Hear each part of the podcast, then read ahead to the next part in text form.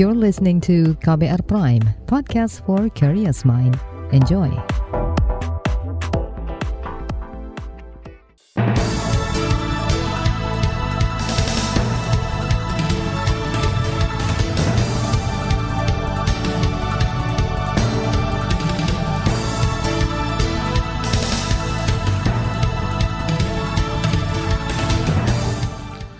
Selamat pagi saudara, senang sekali kami bisa menjumpai Anda melalui program Buletin Pagi KBR edisi Rabu 31 Agustus 2022 bersama saya Roni Sitanggang. Sejumlah informasi pilihan telah kami siapkan, di antaranya rencana kenaikan BBM subsidi, BPS ingatkan ancaman meningkatnya warga miskin. Tim kuasa hukum dilarang saksikan rekonstruksi pembunuhan Brigadir J. Khawatir gempa susulan, warga Mentawai pilih tinggal di pengungsian. Inilah buletin pagi selengkapnya. Terbaru di buletin pagi. Badan Pusat Statistik BPS mengingatkan pemerintah akan ancaman melonjaknya warga miskin imbas rencana kenaikan harga BBM subsidi. Kepala BPS Margo Yuwono mencontohkan penaikan harga BBM 2005 menyebabkan angka kemiskinan naik lebih 4 juta jiwa. BPS juga mengingatkan ancaman kenaikan inflasi jika pemerintah benar menaikkan harga BBM subsidi. Misalkan kalau BBM naik kemudian pengaruh ke inflasinya tinggi, maka itu kepada kemiskinan. Di sana terlihat ya, dulu ya begitu ada kenaikan cukup tinggi di BBM, inflasinya tinggi 17 persen, itu kemiskinannya langsung naik menjadi 17,75 persen. Kepala BPS Margo Yuwono menambahkan kondisi serupa juga terjadi saat pemerintah menaikkan harga BBM tahun 2013 dan 2014. Saat itu kata dia jumlah orang miskin naik menjadi 28,5 juta jiwa. Sementara per Maret 2022, presentase penduduk miskin mencapai 9,5 persen, setara dengan lebih 26 juta orang. Sebelumnya pemerintah mengakui kenaikan harga bahan bakar minyak dapat menaikkan kemiskinan. Oleh sebab itu, kata Menteri Keuangan Sri Mulyani, pemerintah memilih memberikan setidaknya tiga skema bantalan sosial untuk pengalian subsidi BBM. Jadi total bantalan sosial yang tadi ditetapkan oleh Bapak Presiden untuk bisa dieksekusi mulai dilakukan pada minggu ini uh, adalah sebesar 24,17 triliun rupiah. Ini diharapkan akan bisa mengurangi tentu tekanan kepada masyarakat dan bahkan mengurangi kemiskinan. Menteri Keuangan Sri Mulyani menjelaskan pemerintah akan memberikan bantuan langsung tunai BLT untuk lebih 20 juta kelompok masyarakat sebesar Rp150.000 sebanyak empat kali dengan total anggaran 12,4 triliun rupiah. Kemudian bantuan subsidi upah sebesar 600 ribu kepada 16 juta pekerja dengan gaji maksimum 3,5 juta rupiah per bulan. Pemerintah menyiapkan anggaran sebesar 9,6 triliun rupiah untuk subsidi itu. Skema ketiga, pemerintah akan membantu sektor transportasi seperti angkutan umum, ojek, nelayan dengan bantuan tambahan perlindungan sosial. Sumber pendanaannya jelas Sri Mulyani berasal dari pemerintah daerah menggunakan dana alokasi umum dan dana bagi hasil. Komisi yang membidangi sosial di DPR meminta pemerintah memikirkan dampak dari rencana penaikan harga BBM subsidi. Dalam keterangan tertulisnya, anggota Komisi Sosial DPR, Maman Imanul Haq, menyebut peningkatan angka kemiskinan tak akan terhindari jika pemerintah tetap menaikkan harga BBM. Saat ini kata dia jumlah kelompok menengah yang rentan terhadap garis kemiskinan mencapai 115 juta orang. Maman juga meminta pemerintah menjaga sektor lain seperti pertanian dan peternakan untuk menekan angka kemiskinan yang tinggi. Sementara itu, anggota fraksi PKS DPR Diah Nurwita Sari meminta pemerintah mengawasi sasaran pengguna BBM bersubsidi dan memastikan daya beli masyarakat tidak terdampak pemerintah harus memberikan kompensasi untuk meningkatkan daya beli masyarakat itu. Ya. Jadi kalau misalkan harga BBM-nya naik tadi yang berdampak kepada kenaikan-kenaikan harga lainnya termasuk harga pangan terutama misalkan itu seperti itu, maka apa yang dikompensasikan pemerintah kepada rakyat untuk menaikkan daya beli masyarakat gitu sehingga masyarakat tetap mampu untuk bisa membeli uh, apa harga yang sudah naik itu gitu dan itu harus terarah. Dia yang juga anggota Komisi Energi DPR ini menilai menaikkan harga bukan satu-satunya jalan mengendalikan penggunaan BBM subsidi. Sementara itu pengamat kebijakan publik Trubus Radiansah juga menyebut angka kemiskinan akan meningkat jika pemerintah menaikkan harga BBM. Kata dia, daya beli masyarakat juga akan terpengaruh dan inflasi tak terelakkan. BBM contoh misalnya pertalit naik dari 7.800 atau 8.000 lah kasarnya menjadi 10.000, maka tingkat inflasi kita akan mencapai di kisaran 8 sampai 9 persen, begitu. Jadi 89 persen ini maka yang terjadi adalah semua harga mahal dan di sinilah kemudian dampaknya efek dominonya adalah munculnya kemiskinan ekstrim yang yang masif gitu. Pengamat kebijakan publik Trubus Rahadiansah menyebut kenaikan harga BBM akan berdampak pada banyak hal, mulai dari tekanan daya beli hingga sektor ketenaga kerjaan. Kata dia, tidak menutup kemungkinan banyak pelaku usaha yang gulung tikar karena tekanan perekonomian yang silih berganti, termasuk terhambatnya upaya pemulihan ekonomi nasional. Dampak lebih jauh, kata Trubus, pemerintah akan semakin terbebani dengan keharusan memberikan bantalan sosial pada kelompok masyarakat yang membutuhkan. Menanggapi rencana pemerintah yang akan menaikkan BBM, Partai Buruh bersama Serikat Buruh berencana menggelar aksi serentak di seluruh Indonesia pada Selasa pekan depan. Menurut Presiden Partai Buruh Said Iqbal, aksi ini akan diikuti puluhan ribu buruh di seluruh Indonesia.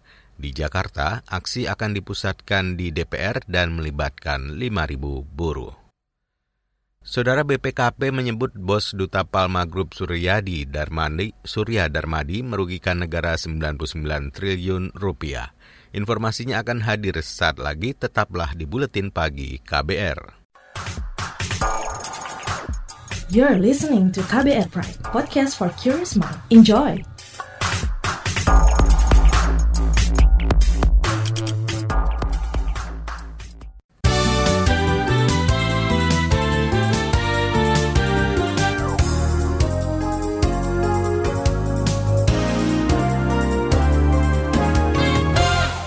Anda sedang mendengarkan buletin pagi KBR. Saudara kepolisian melakukan rekonstruksi pembunuhan Brigadir Joshua Huta Barat atau Brigadir J kemarin. Namun tim kuasa hukum Brigadir J kecewa karena rekonstruksi pembunuhan digelar tertutup. Anggota kuasa hukum Brigadir J Johnson Panjaitan menyebut mereka dilarang menyaksikan langsung proses rekonstruksi yang berlangsung di rumah dinas Verdi Sambo dan rumah pribadi di Jakarta Selatan. Kami pulang karena kami kami nggak mau jadi pelengkap penderita. Seolah-olah nanti kami jadi bagian dari skenario-skenario ini yang omong kosong. Ini untuk yang kedua kali. Kalian ingat ya, di sini mungkin ada yang hadir nggak? Saya kan prarekonstruksi di sana. Prarekonstruksi itu kan omong kosong kan? Saya masih bisa masuk ke dalam. Sekarang rekonstruksi katanya. Berkasnya katanya udah dikirimkan. Apakah ini bukan artinya mencari simpul untuk deal bagaimana cara jalan keluar dengan judul mempercepat proses. Sementara proses bonsai, itu tadi anggota kuasa hukum keluarga Brigadir J. Johnson Panjaitan. Rekonstruksi pembunuhan Brigadir J kemarin menghadirkan lima orang tersangka yakni Ferdi Sambo, Bribka Riki Riza, Barada Eliezer, Kuat Ma'ruf, dan Putri Chandrawati. Sementara itu kepolisian menyebut penahanan empat tersangka di kasus pembunuhan berencana diperpanjang selama 40 hari ke depan. Direktur Tindak Pidana Umum Baris Krim Polri Andirian Jayadi menjelaskan perpanjangan dilakukan lantaran berkas perkara telah diserahkan ke Kejagung dinyatakan belum lengkap.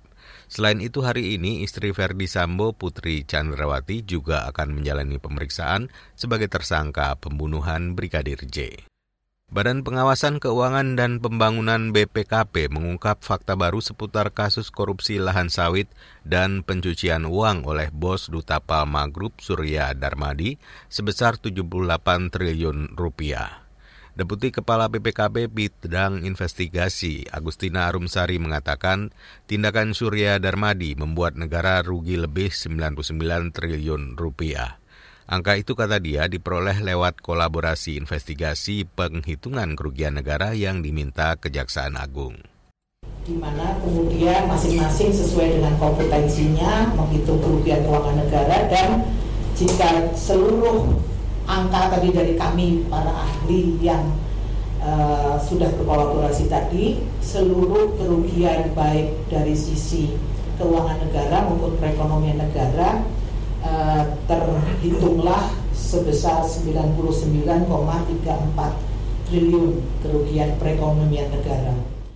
Itu tadi Deputi Kepala BPKP Bidang Investigasi Agustina Arumsari. Sementara itu Jaksa Agung Muda Tindak Pidana Khusus Jambitsus Kejagung Febri Adriansah menyatakan penyidik menyita aset tambahan milik Surya Darenamadi senilai 5,2 triliun rupiah dalam bentuk mata uang dolar Amerika dan Singapura. Selain uang, Jampitsus Kejagung turut menyita 40 bidang tanah tersebar di Jakarta, Riau, dan Jambi pabrik kelapa sawit di Jambi, Riau, dan Kalimantan Barat, termasuk enam gedung bernilai tinggi di Jakarta, tiga apartemen di Jakarta, dua hotel di Bali, hingga satu unit helikopter. Komisi Pemberantasan Korupsi KPK akan segera memeriksa anggota DPR Lasmi Indaryani yang merupakan anak bekas Bupati Banjarnegara Jawa Tengah Budi Sarwono. Namun juru bicara KPK Ali Fikri masih belum merinci materi pemeriksaan yang akan didalami ke Laksmi sebagai saksi. Ali menyebut sebelumnya Lasmi pernah diminta keterangan sebagai saksi oleh Kejati Jawa Tengah pertengahan Juni lalu.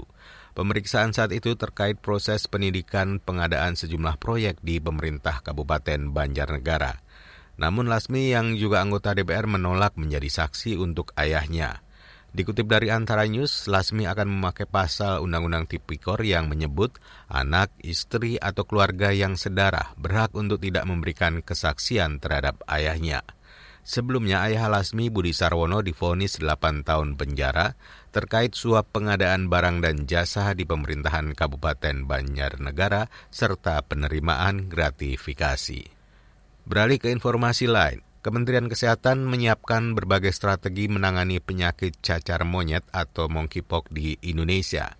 Menteri Kesehatan Budi Gunadi Sadikin mengatakan di antaranya memperketat protokol kesehatan, kemudian menyebar informasi tentang faktor resiko, pencegahan dan penanggulangan penyakit ke seluruh dinas kesehatan, rumah sakit, dan masyarakat. Dari segi vaksinasi kita sudah memesan vaksinnya 2000 dosis dari Bavaria Nordic dibantu dengan KBRI Denmark karena ini ada vaksin monkeypox di sana.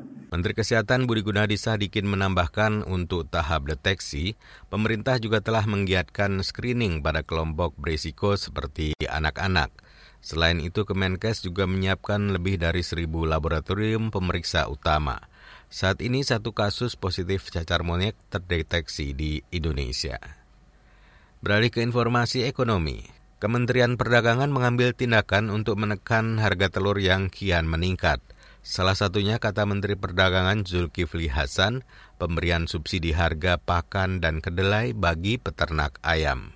Pakan itu jagung itu disubsidi per kilo sampai Desember ya? Ya, sampai Desember. Pak, itu dikasih 1.500 per kilo. Jadi kalau jagungnya 6.500, 1.500 berarti bayarnya 5.000 gitu dan juga uh, kedelai. Kedelai juga disubsidi seribu rupiah per, per kilo. Jadi ada uh, beberapa langkah. Ini perintah presiden langsung agar uh, pendek kata memang inflasi ini harus sekuat tenaga dikendalikan Selain pakan, Menteri Perdagangan Zulkifli juga meminta pemerintah daerah membantu subsidi transportasi kepada peternak ayam guna menekan biaya logistik. Kata dia anggaran subsidi itu bisa diambil dari dana cadangan anggaran pendapatan belanja daerah APBD. Saat ini harga telur berada di kisaran 32 hingga 34 ribu rupiah per kilogram. Kita beralih ke berita mancanegara. Badan Perserikatan Bangsa-Bangsa PBB menyerukan pengumpulan dana bantuan senilai 160 juta dolar Amerika atau sekitar 2,4 triliun rupiah untuk membantu Pakistan menangani banjir bandang yang melanda negara itu. Seruan itu disampaikan Sekretaris Jenderal PBB Antonio Guterres dalam pesan videonya kemarin. Banjir di Pakistan menewaskan lebih 1.100 orang, menghancurkan rumah, bisnis, infrastruktur, dan pertanian negara itu. Perkiraan kerusakan akibat banjir mencapai lebih 10 miliar dolar atau setara 148 triliun rupiah lebih. Guterres juga meminta tanggapan cepat masyarakat internasional atas permintaan bantuan dari pemerintah Pakistan. Beralih ke berita olahraga. Indonesia akan satu tim dengan Thailand di Piala AFF 2022 pada laga yang berlangsung awal tahun depan. Indonesia dan Thailand berada di grup A bersama Filipina, Kamboja, dan negara pemenang fase kualifikasi yang akan diperbutkan Brunei Darussalam dan Timor Leste. Indonesia dan Thailand kerap bertemu di Piala AFF. Total 14 kali kedua negara bertemu dengan 10 kemenangan dikantongi Thailand, sementara Indonesia mengemas 3 kemenangan dan satu lainnya berakhir imbang. Pertandingan Piala AFF akan dimulai pada 23 Desember dan berakhir pada 15 Januari 2023. Saudara di bagian berikutnya kami hadirkan laporan khas KBR yang membahas RUU Sidisnas diminta tak masuk prolegnas dan dikaji ulang. Simak usai jeda, tetaplah di Buletin Pagi KBR. You're listening to KBR Pride, podcast for curious mind. Enjoy!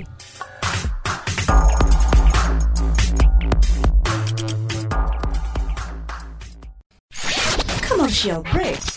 Commercial break. Sepasang kekasih yang terpaut usia hingga 61 tahun di Subang. Ini bukan hal baru. Angka pernikahan dini juga Kawin anak terus terjadi, sering kali menjadi viral, bahkan jadi bahan guyonan dalam kemasan berita yang sensasional. Seorang gadis berusia 18 tahun. Seolah ini bukan masalah. Tapi, bagaimana rasanya kawin ketika masih di usia anak? Sih perasaan saya tuh sebenarnya hancur waktu itu. Hancur bisa naik sekolah Ya, pengen banget sekolah, lihat orang. Saya ajak kamu mendengar langsung suara mereka yang dikawinkan di usia anak. Ibu sama bapak tetap paksa untuk menikah. Saya tidak bisa memenuhi impian bapak ibu. Saya Malika, ini adalah Disclose, serial podcast investigasi dari KBR. Yang penting saya mau ningkain cita-cita Disclose, dipaksa kawin. Bisa disimak di KBR Prime, Spotify, dan aplikasi mendengarkan podcast lainnya.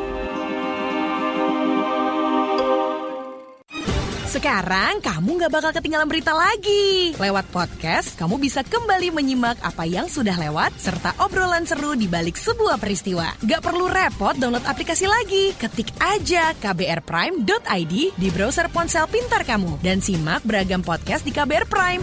Mulai rangkuman berita hingga cerita. KBR Trending, Ruang Publik, Love Bus, Disko, Diskusi Psikologi, Parbada, Ngulas Film, Lika-Liku Mancanegara, Cek Fakta, dan masih banyak lagi.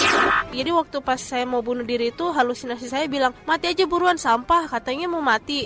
Teman-teman juga ada pada tahu sih I'm gay. Tapi mereka fine-fine aja sih selama kita baik mereka welcome kok.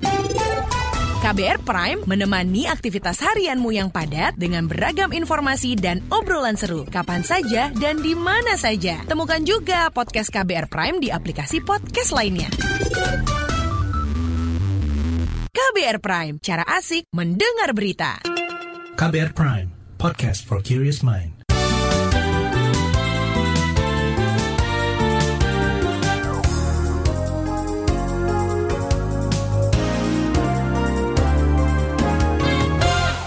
Anda masih bersama Roni Sitanggang di Buletin Pagi KBR.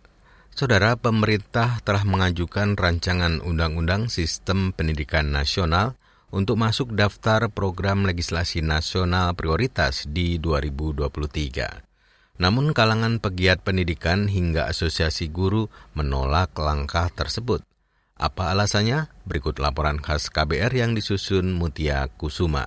Aliansi Peduli Pendidikan yang terdiri dari puluhan asosiasi guru dan pegiat pendidikan melayangkan surat terbuka kepada Presiden Joko Widodo dan jajarannya Isinya meminta pemerintah menunda rancangan Undang-Undang Sistem Pendidikan Nasional atau RUU Sisdiknas masuk prolegnas prioritas perubahan 2022.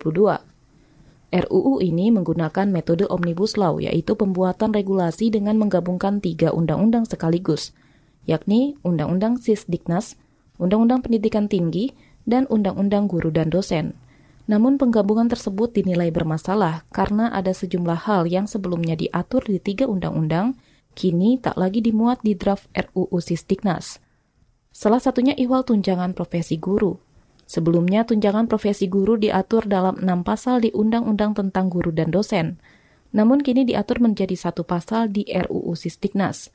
Anggota aliansi sekaligus Koordinator Nasional Persatuan Perhimpunan Pendidikan dan Guru atau P2G, Satriwan Salim.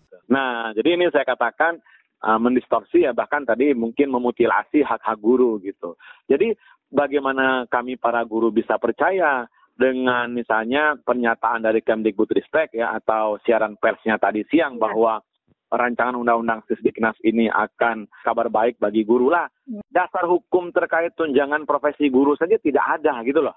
Satriwan meminta Kementerian Pendidikan Kebudayaan Riset dan Teknologi menjamin kesejahteraan guru dengan aturan yang jelas disebutkan dalam RUU Sisdiknas. Tunjangan profesi guru itu meliputi tunjangan profesi, tunjangan fungsional hingga kemaslahatan. Menanggapi gelombang protes itu, pemerintah memastikan menjamin kesejahteraan guru melalui RUU Sisdiknas. Direktur Jenderal Guru dan Tenaga Kependidikan Kemendikbudristek Ihwan Syahril mengklaim RUU Sisdiknas justru memerhatikan guru agar bisa mendapat upah layak. Guru adalah profesi yang mulia dan terhormat. Oleh karena itu, Kemendikbudristek selalu konsisten dan tidak pernah berhenti untuk berupaya memperjuangkan agar semua guru mendapatkan kesejahteraan yang layak dan kondisi kerja yang baik. Dan dalam RUU Sisdiknas ini, Kemendikbudristek terus berupaya bagaimana agar guru-guru Indonesia mendapatkan kesejahteraan yang lebih baik. Iwan Cahril menegaskan RUU Sisdiknas tidak menghilangkan tunjangan profesi guru. Menurutnya, RUU ini mengatur agar guru yang sudah mengajar namun belum memiliki sertifikat pendidik bisa segera mendapatkan penghasilan yang layak tanpa perlu menunggu sertifikasi. Protes soal RUU Sisdiknas masuk prolegnas juga disampaikan legislator. Wakil Ketua Komisi Pendidikan DPR Abdul Fikri Fakih menilai Kemendikbudristek telah mengambil jalan pintas pembahasan RUU Sisdiknas di Badan Legislasi DPR. Menurutnya, RUU Sisdiknas ini kemungkinan mendapat banyak penolakan jika dibahas melalui komisi terkait itu langkah-langkah pemerintah karena kemarin ketika raker dengan Mendikbud itu saya sudah warning juga bahwa jangan sampai ini seperti undang-undang yang kemudian diributkan oleh masyarakat seperti undang-undang cipta kerja dan seterusnya dikerjakan secara cepat dibalik dan dibalik bukan di Komisi 10 ini saya kira presiden buruk. Nanti kita akhirnya juga mendapatkan undang-undang yang secara kualitas jauh dari yang diharapkan. Standar-standar baik itu legal draftingnya maupun juga kekuatan hukum sangat rawan untuk diajukan ke judicial review review. Politisi PKS Abdul Fikri Fakih mengatakan, Komisi Pendidikan DPR bakal memanggil Mendikbudristek Nadiem Makarim guna membahas isu krusial dalam RUU Sisdiknas. Selain Komisi Pendidikan DPR, sejumlah fraksi di DPR juga menolak RUU Sisdiknas masuk dalam daftar prolegnas prioritas perubahan 2022, antara lain fraksi PAN dan fraksi Nasdem. Sementara itu dalam catatan Jaringan Pemantau Pendidikan Indonesia atau JPPI, RUU Sisdiknas masih memuat banyak kelemahan, bukan hanya soal pasal tentang hak-hak guru. Semisal pembiayaan program wajib belajar yang tidak tertulis eksplisit bakal gratis atau berbayar. Koordinator Nasional JPPI, Ubaid Matraji. Kemudian secara konten juga banyak uh, diprotes oleh banyak pihak ya oleh persatuan guru soal kesejahteraan guru juga masih bermasalah uh, terkait uh, wajib belajar 12 tahun soal pembiayaan juga masih bermasalah. Dulu kita punya uh, komite sekolah, dulu kita punya dewan pendidikan, tapi di RUU ini nggak ada semuanya dan masih banyak lagi pasal-pasal uh, yang lain yang uh, sangat krusial ya. Tak hanya lemah secara material, Ubaid menilai RUU Sisdiknas ini bermasalah secara formil, lantaran belum melibatkan partisipasi publik yang luas dan bermakna. JPPI mendorong pembahasan RUU Sisdiknas menjadi momentum pembenahan pendidikan dan menjamin kesejahteraan, serta penghapusan kesenjangan guru. Demikian laporan khas KBR yang disusun dan dibacakan Mutia Kusumawardani. Informasi dari berbagai daerah akan hadir usai jeda, tetaplah bersama Bulletin Pagi KBR. You're listening to KBR Pride, podcast for curious mind. Enjoy!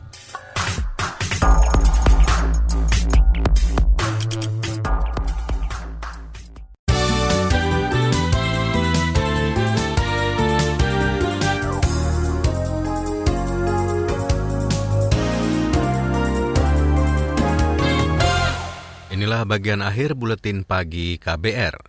Badan Nasional Penanggulangan Bencana BNPB menyatakan sebagian warga masih mendiami pengungsian pasca gempa bermagnitudo 6,4 yang terjadi di Kabupaten Kepulauan Mentawai Senin kemarin.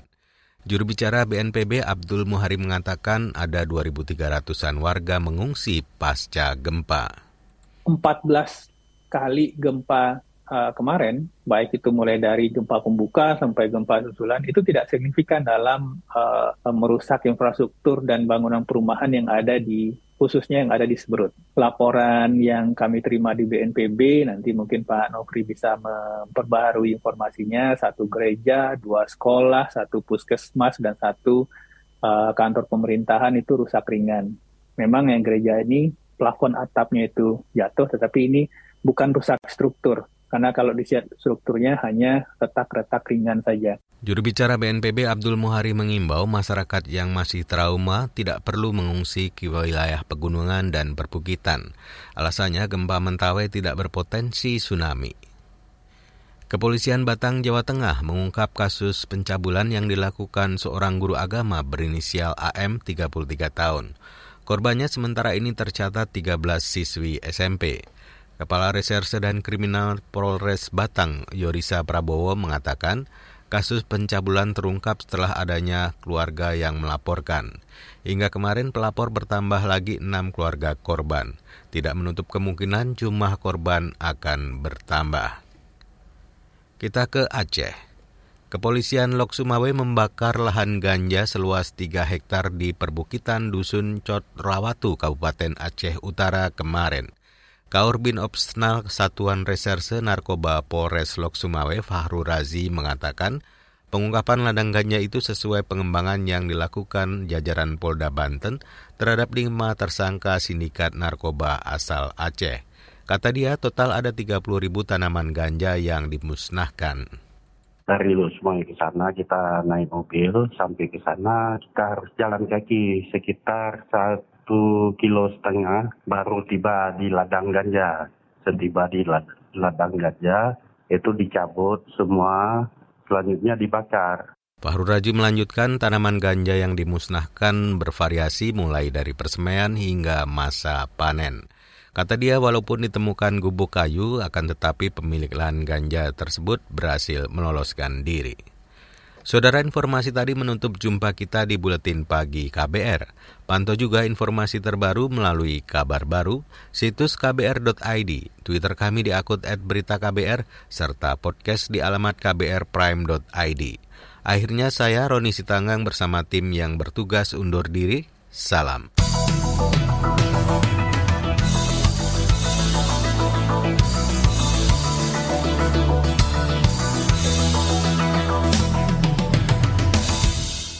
KBR Prime, cara asik mendengar berita.